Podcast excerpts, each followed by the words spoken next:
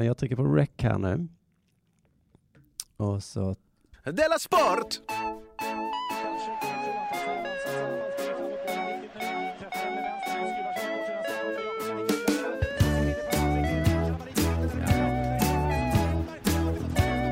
Du lyssnar på Della Sport. Ja, det här är Della Sport med mig, K. Svensson och Simon Chippen Svensson. Hej Simon! God, eh, god dag, god dag, god dag. Hej. Della Sport är ju bara ett av eh, en uppsjö olika sätt man kan ta till sig Della på, eller hur? Det finns ju Della Sports Della Her Story egna fina feeder här Mm. ute i, i, i världen. Men sen finns ju också Della Papo och Della Arte inne i värmen på vår premiumsida. Just det. Nästan de, eh, de, eh, de roliga grejerna händer ju där. Och vill man ha ytterligare ett sätt så finns också poddbio. Ytterligare ett sätt att ta, ta liksom till sig oss på. Ja, vi ska sända Dela Sport inför publik. Det är inte så himla vanligt nu längre. Nej, Eh, det är lite... Ett, framförallt var det väl länge sedan i Stockholm nu? Ja, det minns jag knappt när vi gjorde det i Stockholm. Och det är Nej. nästa torsdag den 16 maj. Ja, på en biograf, Just det. helt enkelt. På en, på biograf. På Rigoletto. Coolaste är att man köper biljetterna på, ehm, på eh, vad är den här F-appen, den här eh, Filmstaden-appen. Men det går, jag har inte den appen. Går det att köpa någon annanstans? Har du inte den appen, nej då går det inte. Jo, men det går nog på en hemsida också. Men då. ofta Eh, är det så att du ska ha en viss app för att få göra något. Och jag Mm. vill inte ha några appar. Tycker det är värsta nej, som nej, finns. nej. Men, men gillar man sånt kan man ju använda F-appen, ja. Ja, nej, men det- okej, då säger jag så här då. Det coola är att när man köper biljetter så kan man, så är det som att, ska jag, ska jag titta på Endgame? Nej, men Ja, titta, ja, så. där är ju Dela Sport. Så, så ligger vi precis bredvid liksom en stor... Men, eh, tror du det är bra för oss verkligen att man ser så eh, Viggo Mortensen eller K. Svensson? Att det blir liksom svårt för folk att motivera valet för sig? Ja, det, ja nej, jag har ju tänkt att vi skulle, men du har ju nog helt rätt. Jag har tänkt Men Viggo men då väljer ju alla. han är ju bara där liksom i en inspelad kopia av Viggo Mortensen. Vi Mm. kommer ju dit i vårt kött och vårt blod och sitter där. Ja, och jag tänkte att vi skulle använda oss av bioduken. Aha. Att vi ska liksom visa kanske eh, filmklipp eller kanske en bild på Patrik Ekwall eller någonting. Kanske, säger jag. Får se. Får se om jag kommer göra det. Jag vet att du är inte så förtjust i det, men tänk att vi har den stora, stora bioduken bakom oss och så säger vi pam, pam, pam och så hela Ja, det, ja, ja, vad heter det här ljudsystemet de har på biografer? Eh, DHX, DLP, Dolby. Dolby. Tänk att höra Dela Sport i Dolby du. Ja, det, det skulle jag däremot vilja. Det kommer jag få också. Ja. Ja. Eh, men du, nu, nu vänder jag mot dig och frågar så här, har det hänt någonting sen sist? Eh, lite tråkigt har jag haft en barnsjukdom i fem dagar. Ah. Och inte som man då brukar kalla, nej alltså en riktig barnsjukdom då, feber då, som, alltså bara feber, inget annat. Ja, ja, det var väldigt otydligt. Det kan vara nästan vad som helst ju. Barnsjukdom. Att man säger Ja, så. ja precis. Ja, men kommunismen hade ju lite barnsjukdomar i början, så att eh, två miljoner dog där på det här. det är liksom sådär. Ja, det, det begreppet har ju börjat användas till nästan vad som helst. Men jag tänker att det är liksom, det var inte förkyld, liksom, det var inte ont i halsen, så på ett sätt så kom jag ju lindrigt undan. Mm. Men jag kunde inte göra något, eller jag- så här, jag lyssnar på kroppens signaler, så jag har inte gjort någonting liksom. Jag har varit hemma och i princip legat i sängen Ja. och inte gjort någonting. Nej, eh, för jag nej. har inte riktigt orkat. Jag Men det jag däremot har orkat, jag har kunnat äta så, så jag har gått ut i köket och då har, jag- tycker jag det är trevligt att ha radion på. Ja? Ehm, så jag har haft det lite mysigt ändå, även om jag har liksom mått ganska dåligt. Ehm, och då hör- man mycket saker där. Det händer så mycket där i radion. Men vad är det för radio det som står på? Alltså vanlig FM-radio, det, det spisar P1, P2, ja, S- SBS P1. P1. för att- ja. Det är som ett fönster ut i världen.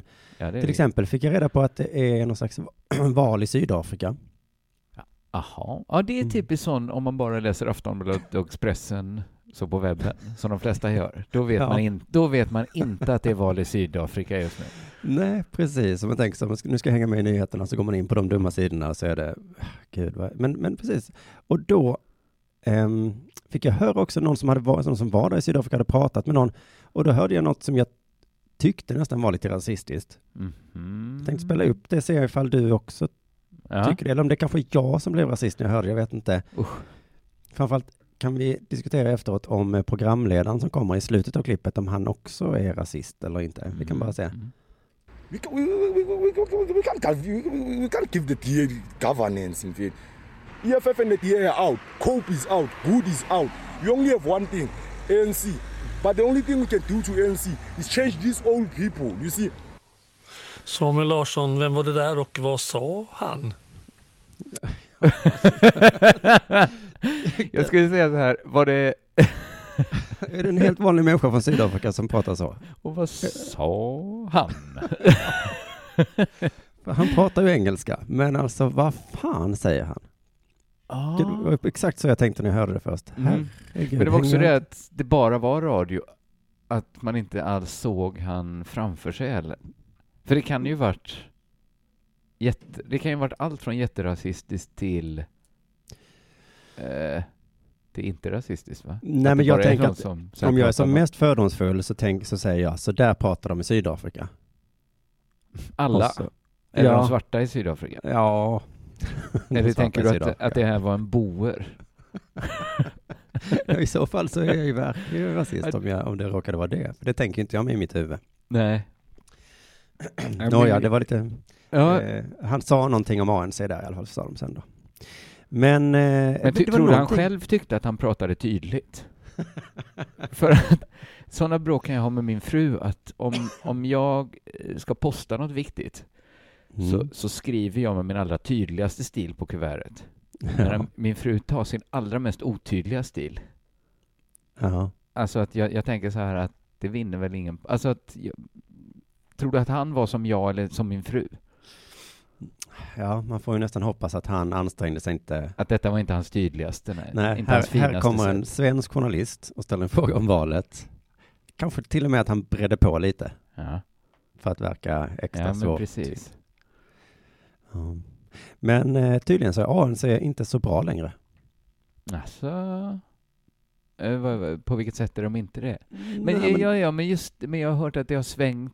Det är inte helt lika, det är inte lika enkelt idag i, i Sydafrika väl? Att säga så att självklart är jag på de svarta sida.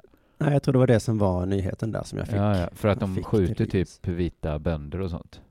Ja, det är möjligt att de gör. Ja, eller vad de ju. gör. Eller vad de nu Jag har hört Kan att de stryper kattungar. kan också vara och- tvärtom, att det var de, de vita bönderna som sköt svarta. Men ja, något var det i alla fall och det verkade inte bra. Det tycker jag inte om i alla fall. Nej, nej. Vad det än var så var det inte bra. Sen var det någon riksdagsdebatt, jag tror det var dagen efter. Gud vad det är konstigt när det står på på radion alltså. Ja, Det Ja. handlar om EU den här gången. Och jag har ju lyssnat på lite sådana här när jag jobbar på Tankesmedjan. Och de, varje gång man säger det är så konstigt alltså. Mm. Mm. Alltså de gör ju sådana anföranden först och de bara liksom, det är inte debatt utan bara ja, lägger fram någonting. Ja, det är ju också att när man lyssnar på det måste man hela tiden nästan säga till sig själv så här, nu lyssnar jag, nu lyssnar jag, nu lyssnar jag. För så fort man tappar fokus så tappar man fokus helt. Det, alltså hjärnan vill ju inte vara där. Nej. Nej, det är, och det var det som slog mig också, att jag tror att de knappt vill det själva. Nej. Att det är lite pinsamt för dem, för att alla anföranden jag hörde, tre, fyra stycken, började liksom så här. EU, det började som ett fredsprojekt. Efter andra världskriget så fick nationen nu gå kol och stål och så, Ja, de måste så- börja där. Ja. Ja, det är som att de, jag fattar att man måste börja någonstans, att, men att det, de Man måste känner inte ju varandra. backa till eh, tidigt 50-tal varje gång. Nej, och så sitter de i någon form av kollegor i alla fall och träffas och äter lunch ihop och så ser de så här, nu är det min kollega där, nu, bör, nu börjar du prata. Ja, jo jag vet att det började. De bara, eh, kol och stål. Och sen Jaha. tittar de ner i sitt eget manus och så, ja just det, det är ungefär samma som jag har här. att är nästan så, vad är det man sa i skolan? Man sa, det han sa, det, det har jag också. Ja, just det, som man sa. Sa man så? Ja. Handel för människor närmare varandra. Och människor, ja människor är vi alla lika värda. Och människor. Men detta gick, var något du gick hemma och spisade på radion då, ja? Ja, och jag uppskattade väl ändå då, eh, eh, det är alltid tråkigt att vara sjuk, men jag försökte se ljusglimten där, att nu får jag Ja. uppleva det här och så. Det har man aldrig liksom, lägger man inte tid på annars tycker jag. Nej, inte bara vara hemma och lyssna på P1 bara. Nej, för jag vill liksom hemma själv också på det där sättet, vara tyst i, lägenheten. Mm. Jag har hört Ja, något om att eh, Kristdemokraterna och Moderaterna har tröttnat på att bli kallade för bruna. De har sagt ifrån väldigt mycket senaste tiden. Jaha, de gillade det först, men nu har de börjat. Nu, nu tycker Ja, men- nu börjar det bli lite tjatigt. Va?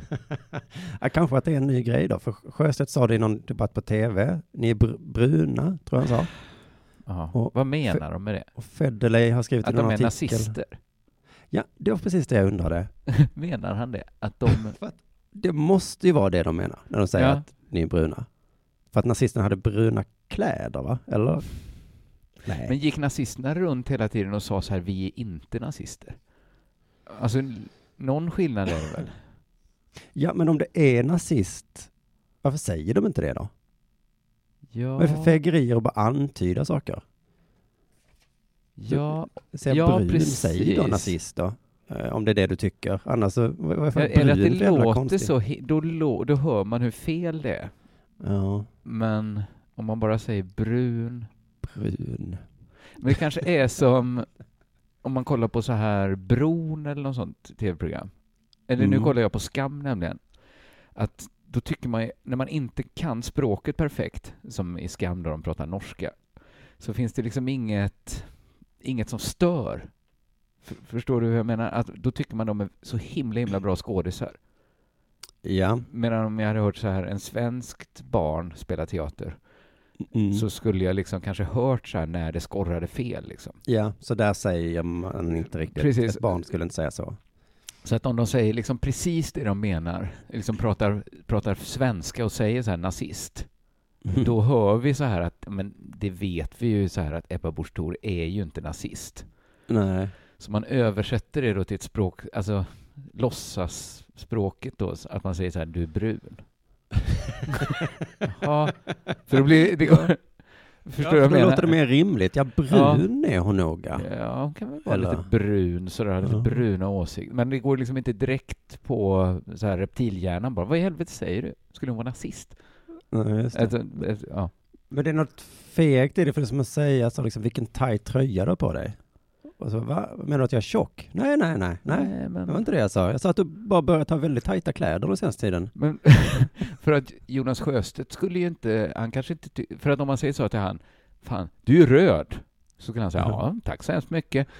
Men om man säger så här, du är kommunist din jävel, då bara, nej, papp, papp, papp, Ja, papp. just det. Det slutar jag med dagen efter de rev Berlinmuren. Tack så Det hemskt mycket. finns andra ord för kommunister som de andra använder. Jag vet inte. Soci- nej. Nej, jag tror... Det, men det är kanske ett jävla smart knep att hitta en öm punkt och så Ja. säger man inte ordet, Nej, utan man säger ett annat ord. och ingen. Brun. Och brun du är. Man kan nästan Men- säga tack. Men vad det menar de med brun? Är det att nazisterna hade bruna skjortor på sig då? Ja, är det just det? Det måste, Ja, det, är ja, inte ja. det är därför hjärnan inte omedelbart vaknar till liv och säger så här, vad, vad säger du? Ja? För att det är så himla långsökt. Ja, det är verkligen det. Eva Busch. Thor är superfärgglad dessutom. Ja, Mm. och inte brun. Det är en av Nej. Det, det, Lite på samma tema här, så en, en annan sak som jag har, suttit med min telefon också mycket då, läst på, eh, Ja. läst debattartiklar och sånt. Oj. Jag har tänkt på ett argument som jag, eh, det bara slog mig nu att jag har sett det många gånger, men eh, att det det här argumentet som jag undrar lite över. Hot, alltså det är som ett hot, som är så här, Mm. historien kommer döma dig hårt. Ja. Ja, precis. För jag minns inte vad det var för sammanhang jag läste det nu, men jag bara tänkte, vad med? Ja, men det är Vad med som om man går med på samtal med Sverigedemokraterna kanske. Ja, det är precis ett exempel. Men Ja. jag tror att det är att man säger det så har man kanske inga argument kvar, utan det är liksom, man, man avslutar bara med ett hot. Jag tycker det är ganska likt argument som eh, Tage Danielsson vänder sig i sin grav. alltså, det, har på något, det, det är lite släkt med den typen av argument. Det kan jag Mm. inte säga, för då vänder han sig i sin grav. Eller liksom att his, fast det är liksom tvärtom på något sätt då, att Ja. det är något som inte längre finns skulle bli väldigt arg. Och något som ännu inte finns Något som ännu inte arg. finns kommer liksom, jag kan inte övertyga dig nu, för jag har inte Nej. tillräckligt bra argument. Men försök föreställa dig en historiebok i framtiden. Stor bild på dig, kors över. Och du vet alla, alla kommer överens Alla kommer om att läsa det boken. du sa och gjorde nu var fel. Alltså du fattar folk- inte hur genant det kommer vara, inte för dig för du kommer dö, men Ja, men... oerhört genant. Jag såg, jag fick googla nu för att se vilka olika sammanhang. Det var någon eh, från 2015 när Socialdemokraterna stängde gränserna. Det Mm. var någon tidning som har skrivit historien ska döma dagens regering för att de stängde dörrar mitt under flyktingkrisen. Just det. Det kommer anordnas så här studieresor för barn. Att åka och dansa på Stefan Löfvens grav. Och det där är ju mest en förhoppning. Det är som en önskedröm man Ja. lägger fram. Att det blir så här rättvist i det långa loppet. En dag så kommer En jag få dag. rätt. Jag, jag får inte rätt nu uppenbarligen. Men är det liksom inte den eh, religiösa tanken att så här en dag ska man liksom få sin belöning och, då, och liksom syndarna ska straffas? Det kanske ser Ja. orättvist ut nu, men sen jävlar vad gött det ska bli. Fast, precis, fast det är inte religion utan man tänker sig en, faktiskt Nej, en värld man lever i nu. Där kommer du bli dömd. Men jag tänkte också, tror du någon blir rädd när man får höra det argumentet mot sig? att, man tänker, att man hajar till. Jag tror, inte, jag tror inte man blir rädd när någon säger det, men jag tror fan att all, väldigt många människor har det någonstans i bakhuvudet. Vad kommer historiens dom bli? Ja. Alltså, Jo, särskilt om man håller på med politik och sånt, att det kan, man, man har Ja. sett exempel på att någon har gjort något och så Ja. skrattar alla kanske eller någonting. Men jag tänkte på en person som blivit dömd av historien, eh, Djingis khan. mm, mm. Han- Han har väl blivit dömd då, måste man nästan säga. Men nu tycker folk så, Djingis khan bara, oh fy fan vilket jävla svin. Det, Fast han har ju också blivit en kul figur, liksom. Ja. så att det är inte bara negativt att bli dömd av historien. Men är han så himla dömd ändå? Men alla är väl överens om att det han gjorde var fel, va? Höll på att starta Ja, krig och... Driva eh, steppkrig. ja, Vi minns något ens skulle de knappt. väl Jag vet att det står i historieböckerna att det här var en jävla krigisk galning Ja, eh, ja, som vi ja. har dömt historiskt. Hitler har blivit historiskt dömd också, Han man tycker jag har fått en historisk dom över sig. Ja. Men till och med för honom, han har också blivit en kul figur, liksom. Att det är, det är inte hela världen att bli dömd av historien. Nej, nej. Det är också det att han, han är ju faktiskt ihågkommen. Det är svårt att från- säga hur jobbigt det är att bli dömd av historien.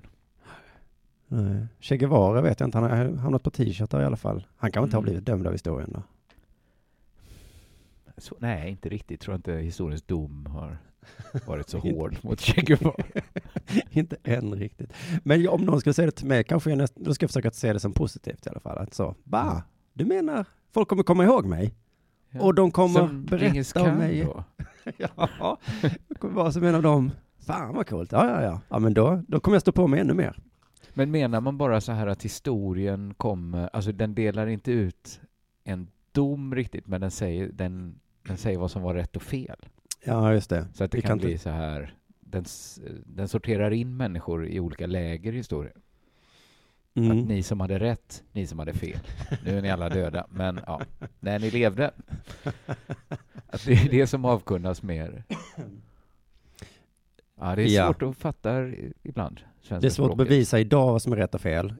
Men jag känner det väldigt starkt inombords att jag har rätt. Och historien kommer också hålla med mig. Ja. Det är jag övertygad om. Det är något jävla snuskigt över det där. Ah, ja, Ja. skitsamma. Har det hänt dig något sen sist då? Eh, Ja, men inte så himla mycket har det inte hänt ändå sen sist. Eh, För jag har inte gjort något annat än att hålla på med mina böcker.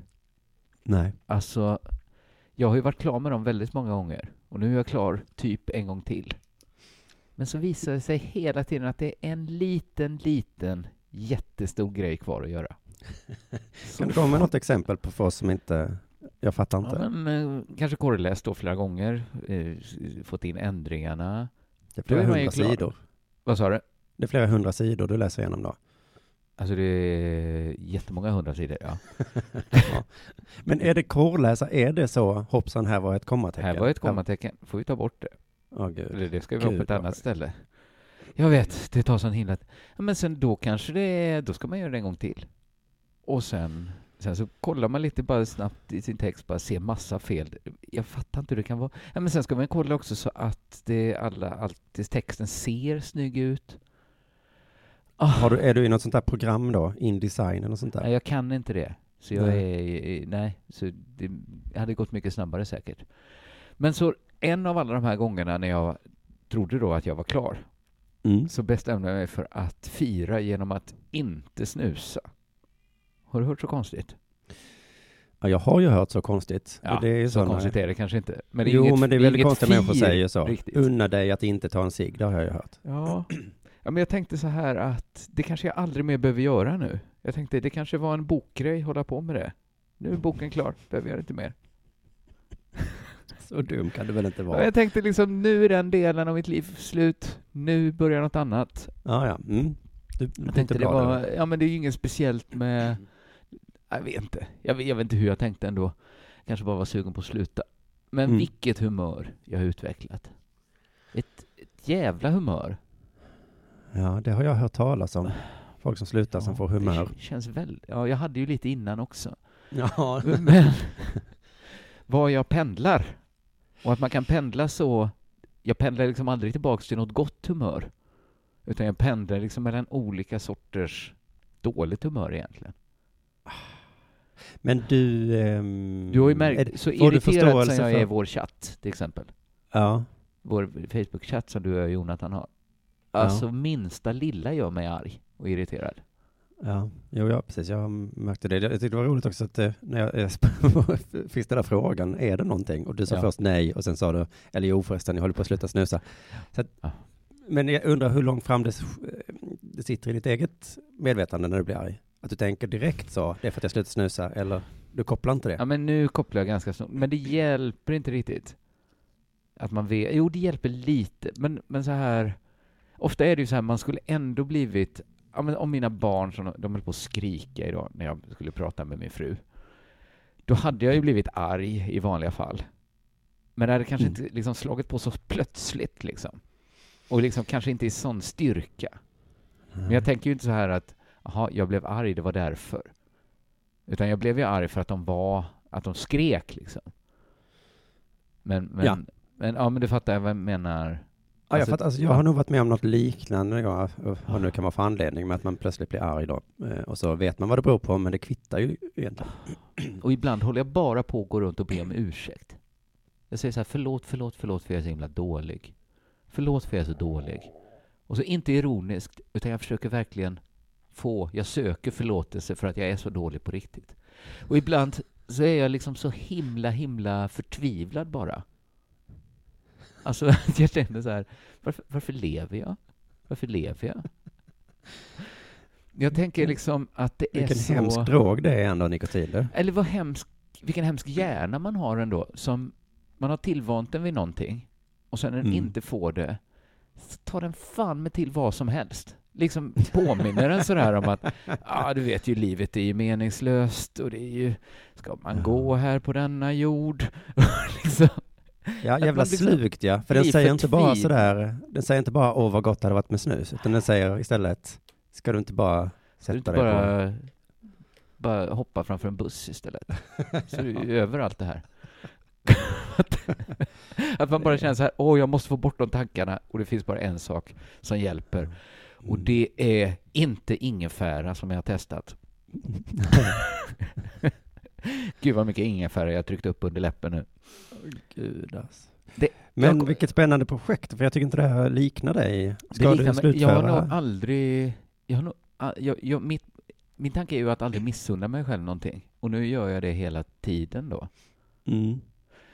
Det jag har märkt är att det enda som funkar är att ersätta centralstimulerande preparat med andra centralstimulerande preparat. Det funkar Mm. faktiskt. Alltså att dricka kaffe till exempel. Jätte, Ja. man dänger i sig mycket kaffe. Det funkar. Just det. Alltså det är inte som man tänkt sig då att smaken av kaffe får en att vilja snusa eller något sånt där. Eller att man inte kan ta en öl utan blir sugen på en cigg. Utan, Alltså det här du beskriver, det här, du kommer ju verkligen behöva läsa min bok som jag håller på att skriva, som kommer ja, till ja, efter sommaren, som handlar just om exakt de här drogerna och eh, hur Ja. man ska leva med dem. Men för det, det har jag, eh, det är ju det här att man kan ersätta en drog med en annan och det funkar Ja. superbra. precis, att det är det enda som hjälper, att dänga ner sig. Mm. Röka hasch, dricka kaffe. Då kan man. Ja, precis. Det kan vara liksom socker, är det många som testar också. Då. Ja, faktiskt, det har jag också funderat på om. Jag jag tycker inte det är så himla gott. Men jag åt en sesamkaka igår. Det hjälpte ganska bra. Testa godare. Ännu godare! nu, ska du, nu ska du vara snäll mot dig själv. Men jaha, så Ja. du kommer vara inte en snusa sen? Ja, det gör mig Ja, alltid vi lite får ledsen. se, vi får se, vi får se. Ja, det, men också, det är också lite roligt, faktiskt. Ja, visst är det kul Eh, att, att testa sin kropps... eh, Det är också, Att- ja, precis, att känna sig som en sån riktig fakir. Att det, att det går också. Det, det tycker jag är häftigt. Ja, det är väl framförallt det. Att man vill inte vara en sån som är, som inte kan. Nej, nej man känner sig lite ball sådär, att, lite odödlig också. Att här, kom an då, Ja. kör ert bästa. Jag tog inte livet av mig, du, försökte övertyga mig. Vad sa du nu då? Här står jag. jag blev lite arg på mina barn, men uh, vad fan, Men, det är väl inte hela Vadå världen. då? Ja. De, De älskar mig ler. fortfarande. Jag slog inte ihjäl dem. Vad sa du nu då? ja, eh, det var väl det om det. Nu är det dags för det här.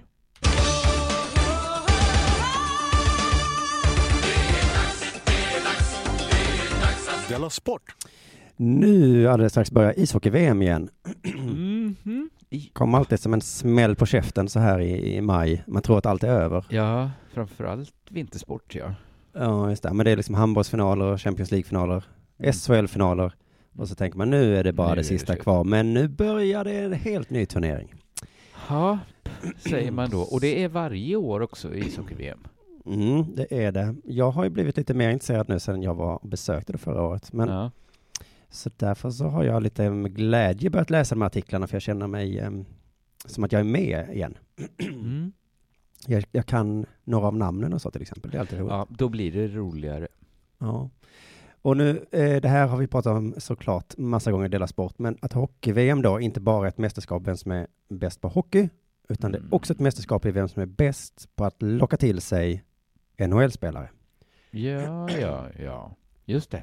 Vilket land i världen är duktigast på att locka till sig NHL-spelare? Men är det inte man ska hitta den speciella nischen att ha mycket NHL-spelare men inte i så himla bra lag? Ja, men det är ju en, eh, precis så kan man förbereda sig, men det hjälper inte för det är många som säger nej ändå, även Ah, ja, om de för, ut. ja, de säger nej nu ja. För förr var det ju bara att de spelade Stanley Cup då ja. Ja, då sa de, det finns inget vi kan göra, men nu är det så jävla många. Så nu är det Just alltid det. någon, men de orkar ju inte för de har ju spelat hockey dygnet runt i, Ja. i, hur länge som helst. Då. Och så här är goda nyheter har jag nu då att Sverige har just nu en jättebra lockare eh, Mhm. som tränare.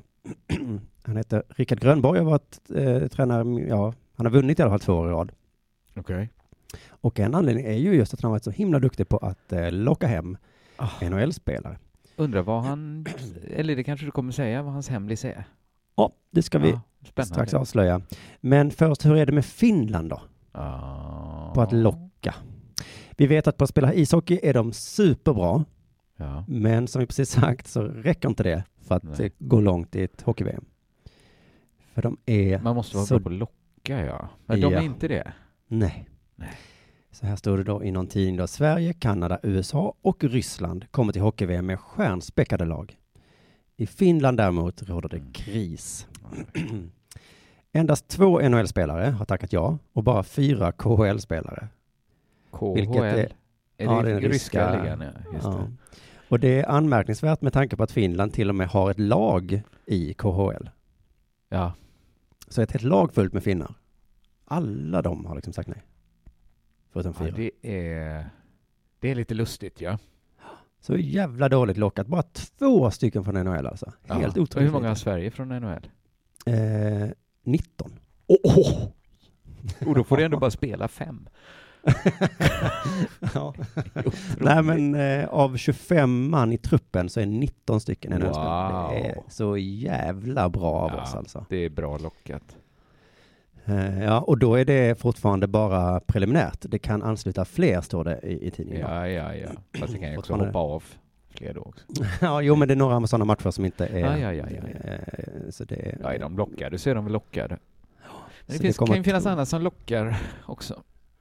Ja, precis. Men Rickard Grönborg då är så jävla bra. Men det är väl kul att höra fall att vi utklassar Finland i lockelse. Ja. Eh, och ehm, eftersom de är våra stora rivaler så har vi vunnit en match redan i alla fall. Och jag tycker det är konstigt va, att Finland glömt bort det, att hockey-VM också handlar om, om, om lock. Lockey-VM, ja, Ja, snyggt. borde att- man säga. Ja, ja, ja, men precis. Ska ha en sån siren som Sverige har som bara står. För att när man åker skidor så får man inte glömma att man också måste ha ett bra vallateam. Ja, just det. Det, kan, det kanske Finland också gör, att de bara tänker så, fan vad bra skidåkare vi har. Och så glömmer de helt bort Mm. att lägga tid och kraft på. Ja, men precis. Ja, men så är det, så är det ju ofta med vintersport, ja. Att man måste... Det är mycket Ja, som ska klaffa. Och när jag Ja, tänkte på det idag så slog det mig att i klubblag både då i, i sommar och vintersporter så handlar det ofta om att ha en bra scout eller sportchef. Mm. Mm. Att de är bäst scout eller sportchef vinner oftare än de som är bra på taktik bara. Mm. För sportchefen kan hitta och locka och pocka. Just det. Eh, Det var någon spanjor som var sån som alla ville ha. För han, var, han hade varit sportchef i kanske Sevilla. Han Jaha. ansågs som så jävla bra. Huh. Så då blev han liksom het på marknaden. Ja. Men då, eh, du, du, du, du, så har Radiosporten i alla fall plockat upp den här frågan som man då undrar, vad är det Rickard Grönborg gör? Mm. Varför är han så Ja. bra lockare? Då står det så här i artikeln på Sveriges Radio. Förbundskaptenen får ofta beröm för att han lyckas få med sig NHL-svenskar till VM. Mattias Ekholm, som är spelare då, han tror att det bland annat beror på Grönborgs sätt att coacha. Så Mhm. Det förvånade mig lite eh, först då. Att, Att de är inte, lockade av att få bli coachade av Grönborg. Ja, det är inte liksom telefonsamtalet. Nej, nej, nej. Eh, att, Alltså, det är inte han- Grönborg som lockar, de lockar med Grönborg. Ja, ja, så precis. Det kan vara någon annan som skickar mejlet eller smset. Han är mer moroten och bara hängt upp på en pinne så. Ja, Ja, ja, ja. och inte liksom bara han heller, utan hans sätt att coacha, Ja. alltså själva coaching då. För jag tänkte att det kunde vara att de lockade med fina middagar eller hotellrum eller så. Eller att man kunde, kanske finnarna kör man det här, du som är så bra, du som är så himla himla bra. ja. Men då säger de bara, jo men det vet jag, jag tjänar miljoner Eller i något som skulle- så Bitit väldigt på mig är liksom det här bara att ringa och säga, men schyssta. Snälla, snälla, snälla, snälla, snälla, snälla, snälla, snälla, snälla, snälla. ja, Det skulle nog bita rätt bra för mig om Grönborg ringde och var så förtvivlad.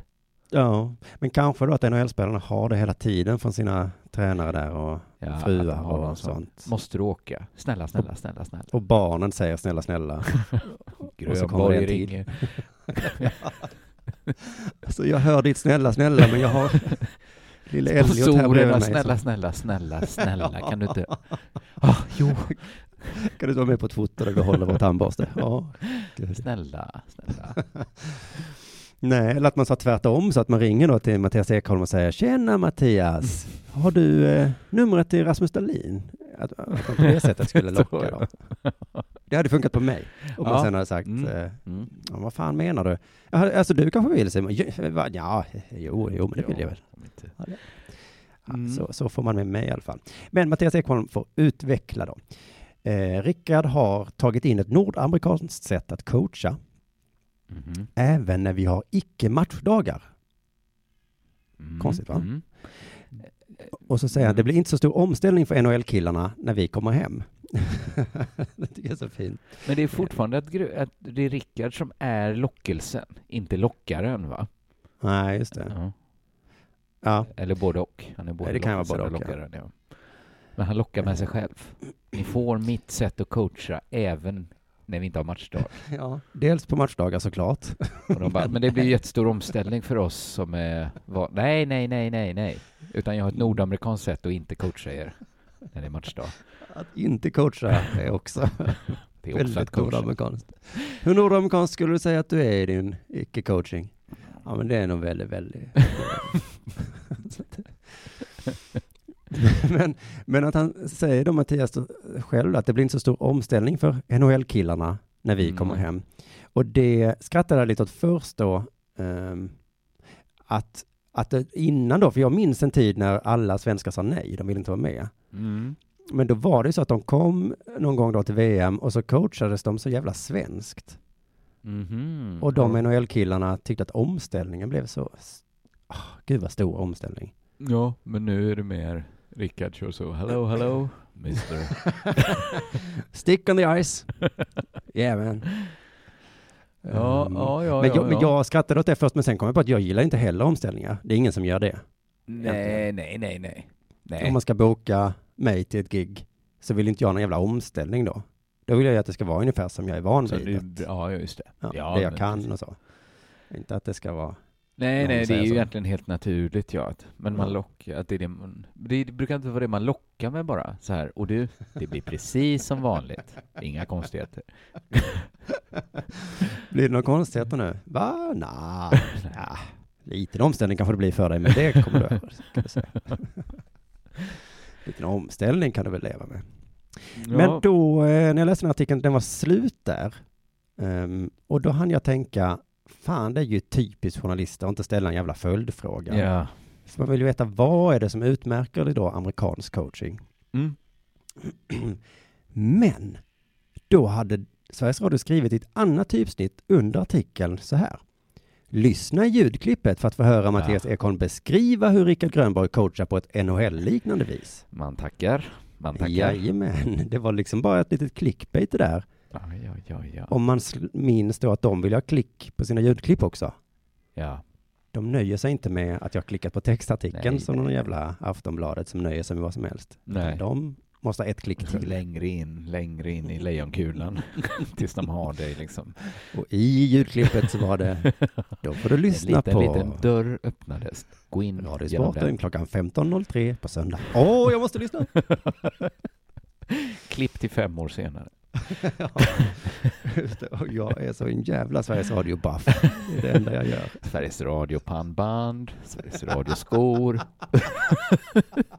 Hur blev det så här? jag, jag minns inte att jag älskade dem så mycket. Men...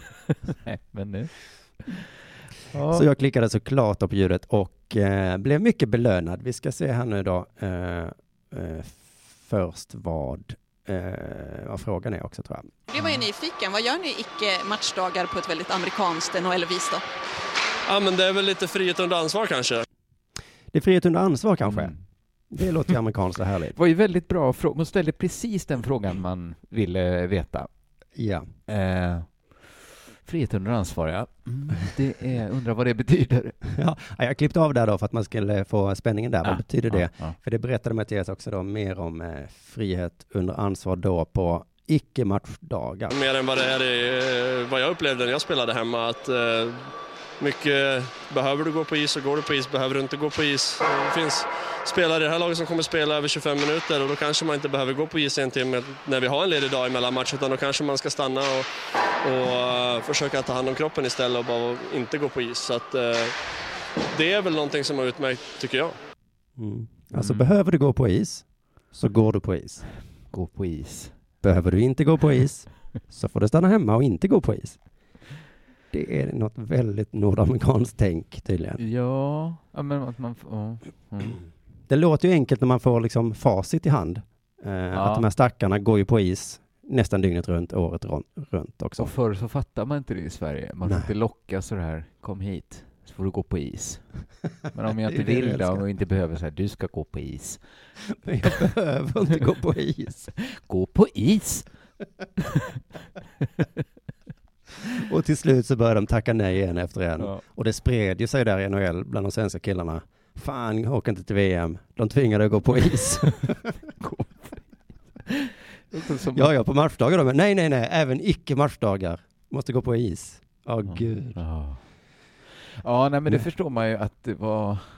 Ja, mm, Okej, ja, ja, det är det. Det är det som är det nordamerikanska sättet då, att vara lite Ja. skön kring att gå på is. Att man måste inte alltid gå på is. Nej, men det gäller ju, skulle jag gissa, bara icke-matchdagar. För matchdagar, då måste du gå på is, skulle jag. ju inte in i matchen om du inte går på is.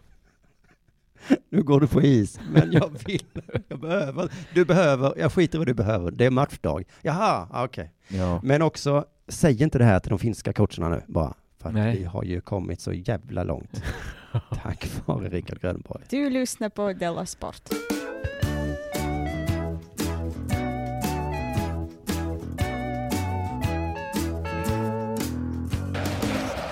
Här i Della Sport har vi pratat om polisens nya sätt att ta kontroll över läktarkulturen. Eller hur? Mm, Du- eh, du- just det, två ställen, två sätt. Mm, du, för du har pratat om de nya reglerna för intim visitation, heter det va? Mm. Eh, och jag har pratat om de nya förbuden mot overheadflaggor. Alltså flaggor Just som det. man har över huvudet. Ja. Alltså inte över huvudet som en sån banderoll, utan liksom som ett tifo. Va? Mm, Heter det så? ja, det var lite otydligt vad det betydde till och med för ja. polisen om jag läst på. Men skitsamma. Men alla de här åtgärderna då verkar ju vara för att komma åt den förbjudna pyrotekniken. Bengalerna. Ja, Det har roat mig att polisen har varit så tydliga med det. Ja, Att det folk har sagt är så här, vad är det här för en knäpp regel ni hittat på? Ben- Ja, ja, nej, vi vet att den är knäpp, men eh, det är Ja. för att vi ska... Men det är ju väldigt knäppt. Alltså att vi har världens lamaste fyrverkeri som är jätte, jätteviktigt för vissa att få tända och super jätteviktigt för andra att de inte tänds. Mm. Alltså grejen är ju att ja, mm, någon, någon måste ge sig här.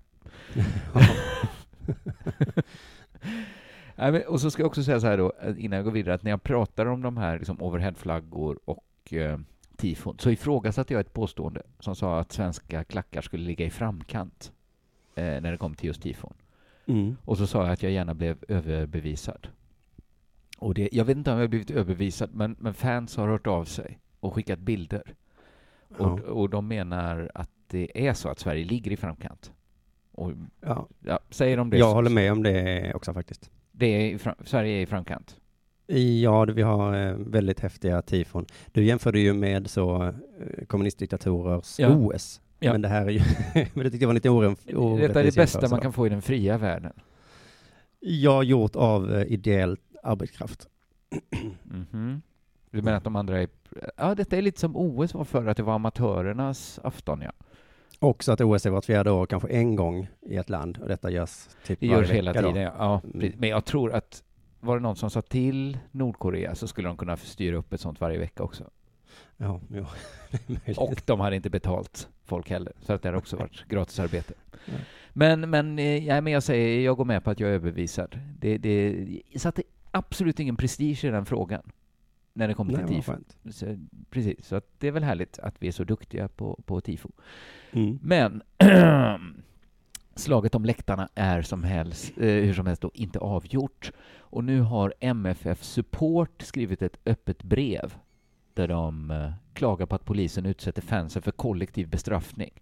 Jag- det, Mm. det verkar också vara en knäckfråga att det är liksom en kollektiv bestraffning. Och det, polisen har då till exempel hotat att minska antalet tillåtna besökare på ståplatsläktaren.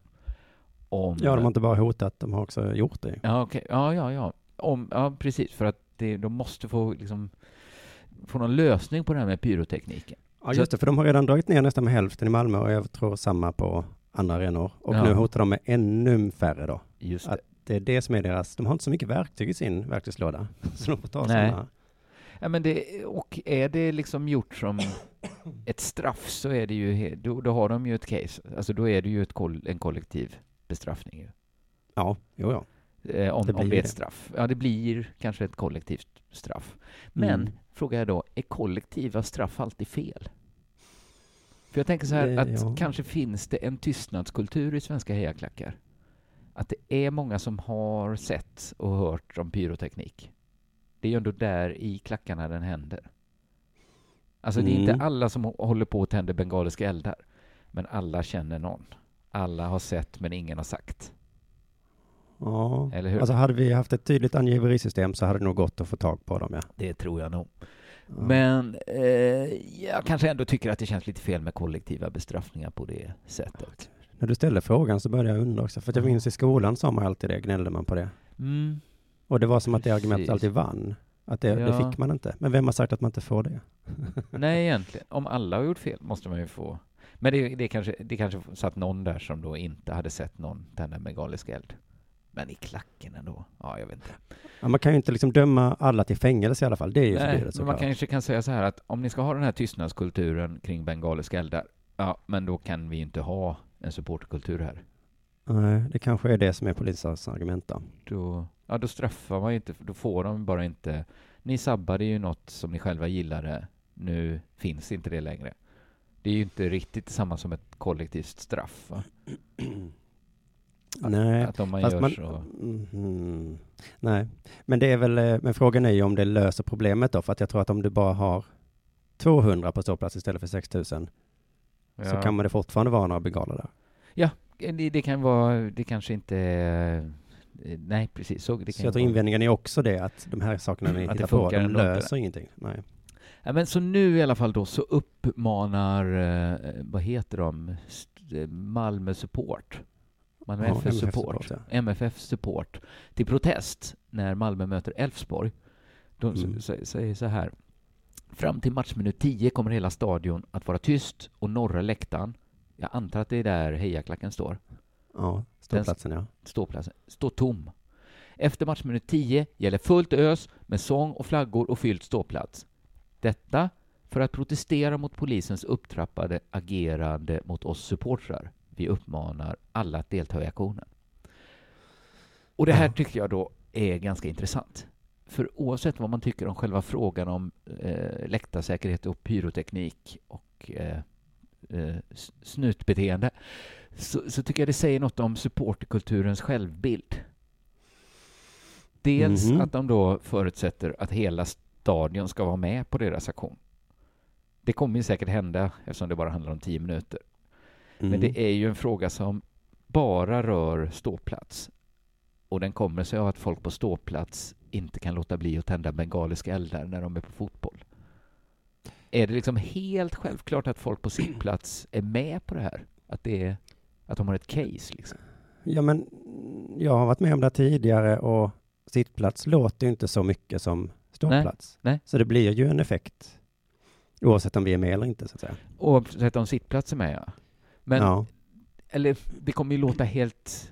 Det kommer, det liksom låta obehagligt med en helt tyst läktare med en sittplats det, det är också. superobehagligt ja. Då blir det ju är, man obehagligt. hör prasslingar och Ja. man hör, det är så jävla konstigt. Då blir det konstigt. Men om de om sittplats sitter och, och mumlar lite som vanligt. Alltså, det skulle inte bli så här onaturligt tyst om hejaklacken försvann. Jo, det är det jag menar att det blir. Det känns som man sitter i en spökstadion liksom. Men jag menar att om... Måste inte både sittplats och ståplats försvinna? Nej, för sittplats är så pass tysta ändå. Aha. Du kommer väl eh, applådera när det är mål, naturligt sål, tänker jag. Någon så här, åh Ja. nej! Ja, något Ja. enstaka sånt. jo.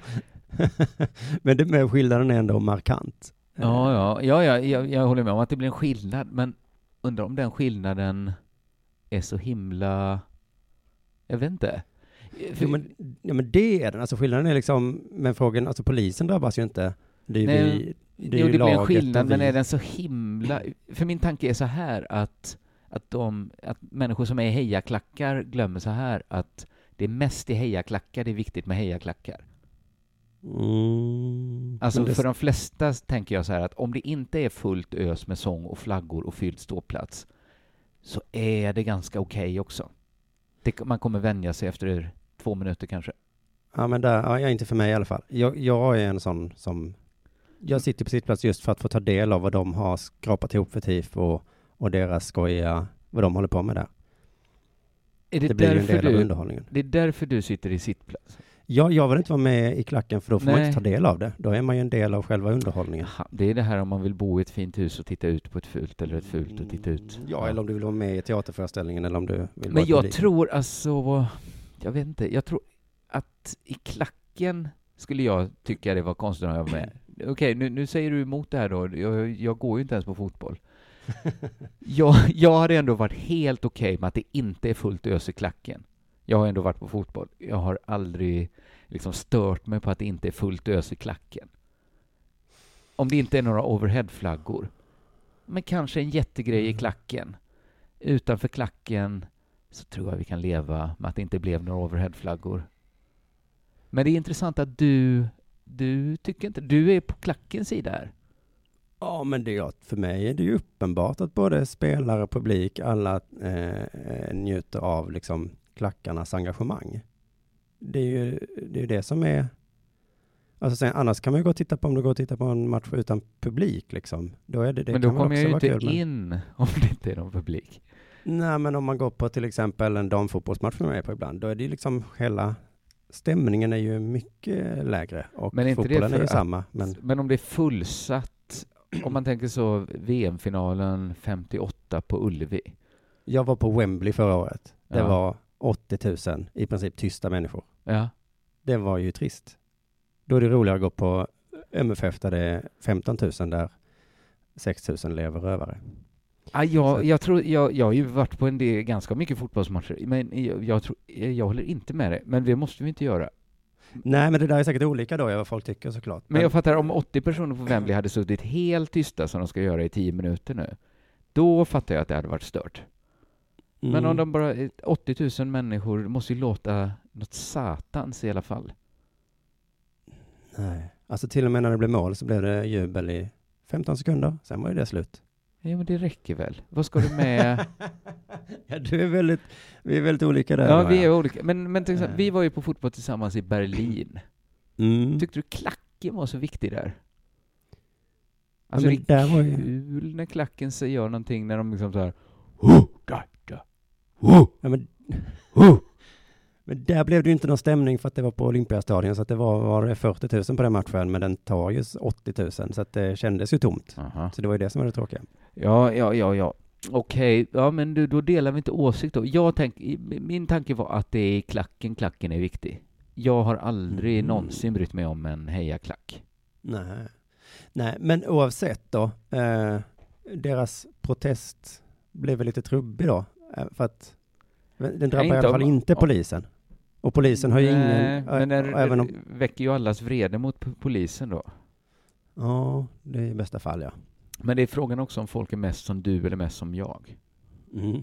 Att man tänker så här, kul att ni håller på liksom, men om ni inte håller på så är det också okej, tänker jag. Medan du tycker att något går förlorat om de inte håller på. Ja, det är, ja, Ja, verkligen. ja, ja, ja vi får se. Då, då får man liksom dela in sig om man tycker som jag eller som Simon. Eller som polisen. Det finns olika positioner. Ja. Oerhört polariserat är det. Ja, det är det. 30 procent tycker som jag, det är som du, och 30 som polisen.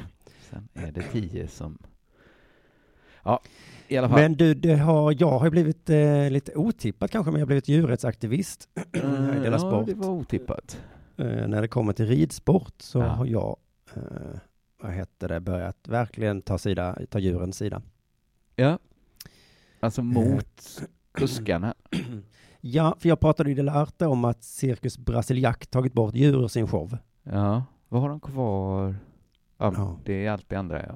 Det får man lyssna på i Della Arte då. Ja, Men, men där kanske jag mer gjorde mig lite lustig då. Där var jag kanske inte på djurens sida. Men, men här, när det kommer till ridsport, så tycker jag, ja, det är sättet de pratar om sina hästar. Mm. Att de älskar dem, Ja, men det är så mycket ett verktyg också. ja, just det. Och de ska avlivas och de behandlas och utsätts för fara hela tiden och det verkar inte liksom röra dem i ryggen så himla mycket. Det är den dubbelheten, ja. Ja, för att där i cirkusvarianten då, nu är det förbjudet med elefanter då på cirkus för att Ja. de inte mår bra av att transporteras. Nej, nej, men om man skulle ta så här ett slakteri till exempel. Där går man ju inte runt och säger så här att och de är exakt som mina barn. Nej. Nu ska du sätta på dig en bultmask här.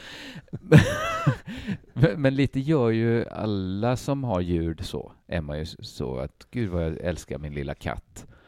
Och sen kan Mm. jag ju ändå stänga in henne och lämna henne ensam. och Ja, därifrån. det är så Liksom- det är, alla djurägare på något sätt gör sig Ja, skyldiga ja. till detta på något Mm. sätt.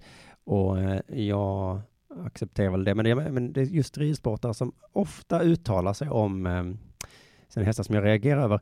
Eh, hur ska vi säga nu? Eh, något hemskt har hänt. Ja.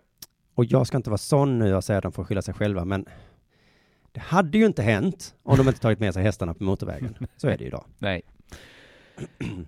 Här är nyheten då. I måndags började Sara Algotsson Ostholts hästlastbil att brinna på väg hem från helgens tävlingar i polska Sopot. Ja. Två hästar färdades i lastbilen, varav en dog och den andra blev svårt brännskadad. Gud vad hemskt ja. Ja, det låter ju fruktansvärt. Mm. Men det är en sån hästlastbil, har jag inte hört det uttrycket. Jag tror Men man hade är- speciella släp, men det är klart man kan ha lastbil också. Ja, det kanske är något som är lite större än de här vanliga som man ser på vägarna. Mm. Där svansen sticker ut. Ja, just det. Så tänker man, den hästen har det inte så gött där inne. man kunde unnat den en hel dörr, tänkte man. ja, eller så kanske det är hel, ja precis, eller en lastbil hade man Ja, kunnat. Hade- eller inte alla. inte. Eller inte själv. alls. Ta en annan häst när du kommer till nästa Ja, plats. egentligen borde man ju ha det så, ja. Mm. Mm. Ehm, Det är också sjukt, som vi pratade om, att, att åka runt med Formel 1-bilar runt om i hela världen. Ja. Ehm, Men då kan de också ha en bil på plats. Men, men visst, de tar inte skada bilarna. Nej, nej. I alla fall då, Sara Algotsson Ostholt samt hennes son Erik och hästskötaren Roberto Cernek var med i lastbilen. Så att det är alltså en lastbil där alla sitter i, tillsammans med hästarna på något sätt. Men hur många var de, sa du? Det var hästarna och det var... det var Sara, Erik och Roberto. Ja, men då tror jag man får fram plats i, så i, i fram, va? Ja, det är säkert någon liten Om vägg Roberto däremellan. kör och så är det en vägg där. Ja, då Ja. ska det nog gå bra. Anna förklarar vad som hände i ett sms till tidningen Hipson. Aha. Så det jag ska läsa upp nu är ett sms här. Vi tankade klockan 04.20 och då var allt bra med hästarna och det var lugnt överallt. Mm. Efter att ha kört i 15 minuter ser jag i backspegeln att tjock rök bolmar ut från bakluckan på lastbilen. Jag stannar direkt i vägrenen, alltså Anna som kör. Ja, okej. Roberto rusar ut och får ner bakre rampen. Rök och eld vräker ut och han lyckas till hälften få loss hästen som står längst bak. Hästen Ja. sliter sig loss och kommer ur sin grimma. Då är häst nummer två redan övertänd. Nej, gud vad... Mm. Den bilden du, att som hon själv uttrycker sig, häst nummer två. det är inte omöjligt att den heter det, men jag tror inte att häst nummer två Nej, heter häst nummer Nej. två. men Och den man är fäste sig lite mer vid bilden av att den var övertänd, ja. en övertänd. Det är alltså Anna själv då som väldigt makabert beskriver händelsen. Ja, övertänd. Säger man det om är du levande? tänd? Jag är övertänd. Ja, det är klart en häst har ju päls och så, men Ja, det är det man tänker nu, ja. Att den kan ju brinna... Undrar hur det... Ja. Ja, vad fan tänker hände på bensinmacken? ja, det måste väl varit där det... något gick fel, Ja. va? Hur fan kan det börja brinna hos, inne hos hästarna? Nej. Det är ju, de har ju väl säkert hö och så, det är säkert mycket lätt, och då häst, häst och hö som då br- brinner bra. Ja, Men var- är väldigt lättantändliga. tände gnistan, ja. Det kan ju vara att det kan vara en hästsko eller någonting som har slagit emot något, kanske, jag vet inte. Men jag hoppas nu att Mm. varken Roberto eller Anna röker. Nej. De kan väl för guds skull inte ha tänt en cigg på en bensinmack? Och sen varit inne, att det är så mycket som är fel då. Det- Ja. Dels är det dåligt att röka. Sen På det på bensinmack. bensinmack. Sen att Ja. gå in hos hästarna bak i lastutrymmet och röka Hon på. sa ju det där att hon, allt var bra med hästarna det var lugnt överallt. Hon kanske var inne hos hästarna där då med sin cigg. Nej, jag vet inte, jag ska inte insinuera det då. Nej. De kanske har ben, spillt bensin på något sätt. Men Det behövs ju också... fortfarande något som tänder den, va? Ja. ja. Förlåt Anna, jag förstår att det här är jobbigt utan Ja. att jag ska behöva lägga skuld då på, inte på offret, men offrets ägare. Ja. Men vad fan. Fan att det måste hända sånt här. Smset fortsätter då. Vi försöker få vi försöker att få upp mellanväggen, men allt är övertänt och lågorna slår emot oss. Vi lyckas inte rädda den andra hästens liv. Roberto springer och får ut Erik ur lastbilen. Vem, men det, detta är en människa? Ja, det är Annas son. Ja, okej. Ja, just det. Mm. Så jag vet inte hur gammal Erik är. Nej. Men Mhm. varför kunde han För- kunde för inte gå nu- ut själv? Nu känner man att de måste ju lämna, de står ju också vid en brinnande, eh, vad heter det, lastbil nu. Mm. Alltså är det inte en typisk sak som exploderar efter ett tag? Eller är det bara i film? Nej, Ja, lite precis. Måste väl ändå Jo. bensin vara Ja, antändligt? jo. Även om det inte sker så som på film så har man väl ändå den rädslan väl. Jag skulle haft Men, det. men Erik låg lägre på prioriteringslistan i alla fall. Ja, trea låg han. Att först, först de två hästarna och sen Erik. Mm. Jag ber om ursäkt för att jag insinuerar många saker, men den här historien, fan, det är något som är sjukt med den. Smset fortsätter här, det är ett väldigt långt sms. Varför kör Det- Hipson intervju i sms-form? ja, eller Anna som ändå har skrivit världens längsta sms. Borde nästan kunna tänka, jag ringer och bara Ja. berättar. Mm. Hon skriver så här då. En annan lastbil har stannat och chauffören tar hand om Erik. Ingen annan stannar av alla för andra förbipasserande bilar! Utropstecken. Nej. Så hon är lite upprörd här av att Det är bara en lastbil som stannar, ingen annan. Nej, Vad vill hon? Hur många tycker hon ska stanna där på motorvägen bredvid den brinnande Hästen. lastbilen? Det är en brinnande lastbil och en övertänd häst.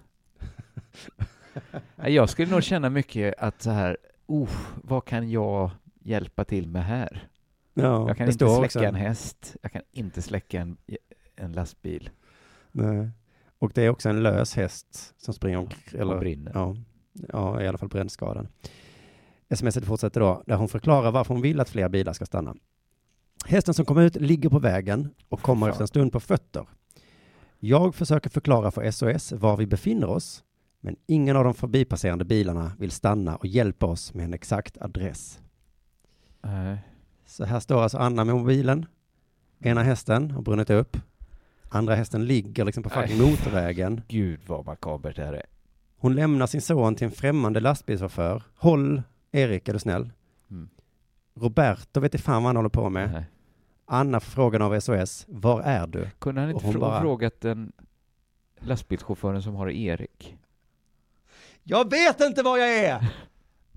Fan, det brinner! Jag, jag har ingen aning. Roberto är borta. Och hon börjar vifta mot bilarna som bara svischar förbi.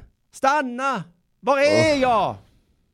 Men någon måste väl veta vad, vad vägen hette, eller? Roberto? Ja. Den andra Ja. lastbilschauffören? Ja, hon har ju panik här såklart. Ja, Eh. ja, ja, alltså jag får panik av att höra allt det här. Mm.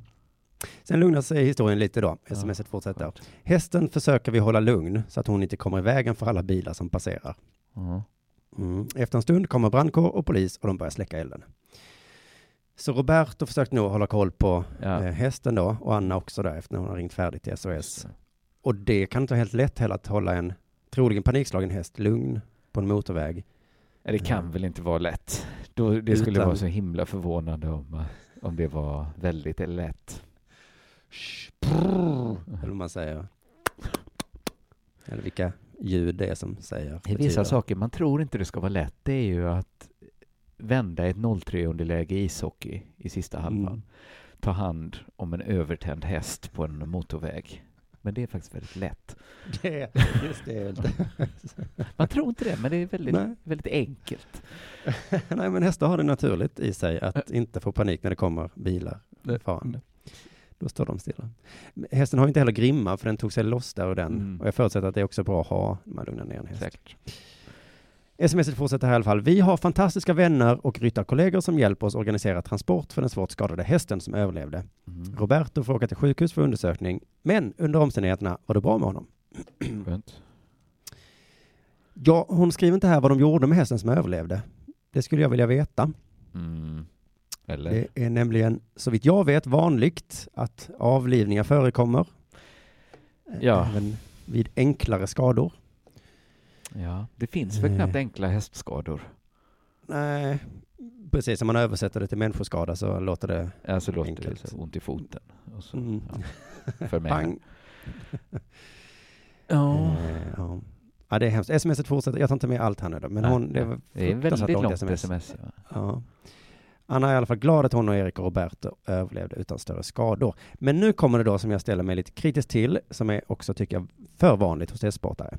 Hon skriver, det är fruktansvärt tragiskt med våra hästar. Det är en stor förlust för oss, känslomässigt Mm. och ekonomiskt. Ja, det hade varit snyggare Fan, att Anna. inte lägga till. Nej, jag kan såklart fatta det, att det är en ekonomisk förlust, men Mm. vi kan väl bara sörja Inte hästen. idag. Någon dag kan vi sörja hästen. Ja. Sen börjar vi kolla böckerna eh, och de röda siffrorna och allt vad det Mm. kan vara. Och så Ja. löser vi det sen på något sätt. Men jag tänkte ju att det var att hon tänkte att det var liksom hästens eh, inkomster som hon blev av med. Eh, men det var inte det som var värst, för hon skriver då så här. Vår lastbil var vårt andra hem och den är svår att ersätta. Mm. Det var inte den nyaste lastbilen och vi får därför inte något tillbaka på en försäkring. Så vi är öppna och tacksamma för förslag om hur vi kan få hjälp till en ny lastbil. Förslag? Eller menar hon att de vill ha pengar?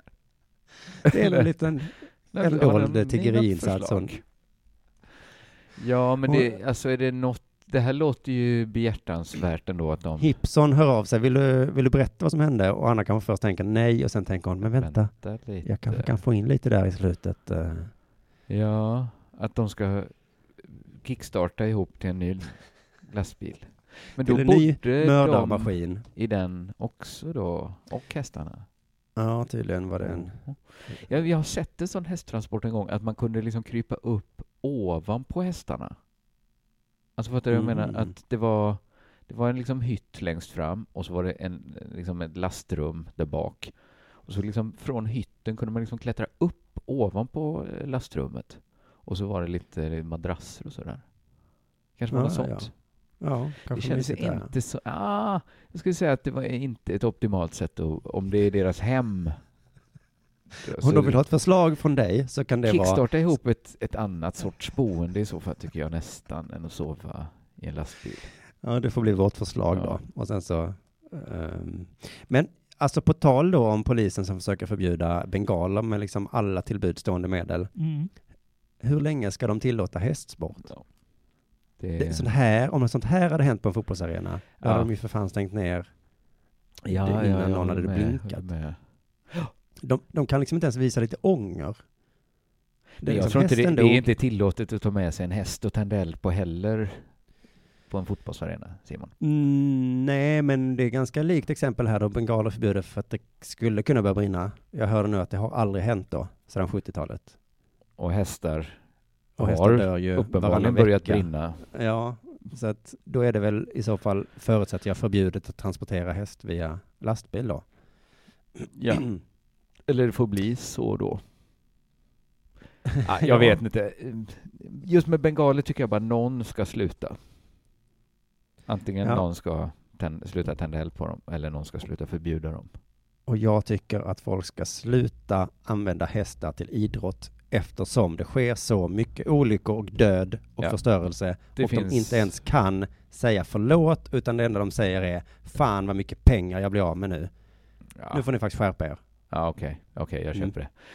Hörru, vilket långt program det blev idag, men eh, Ja, trevligt, trevligt. ändå. Eh, vi tar väl och tackar för oss.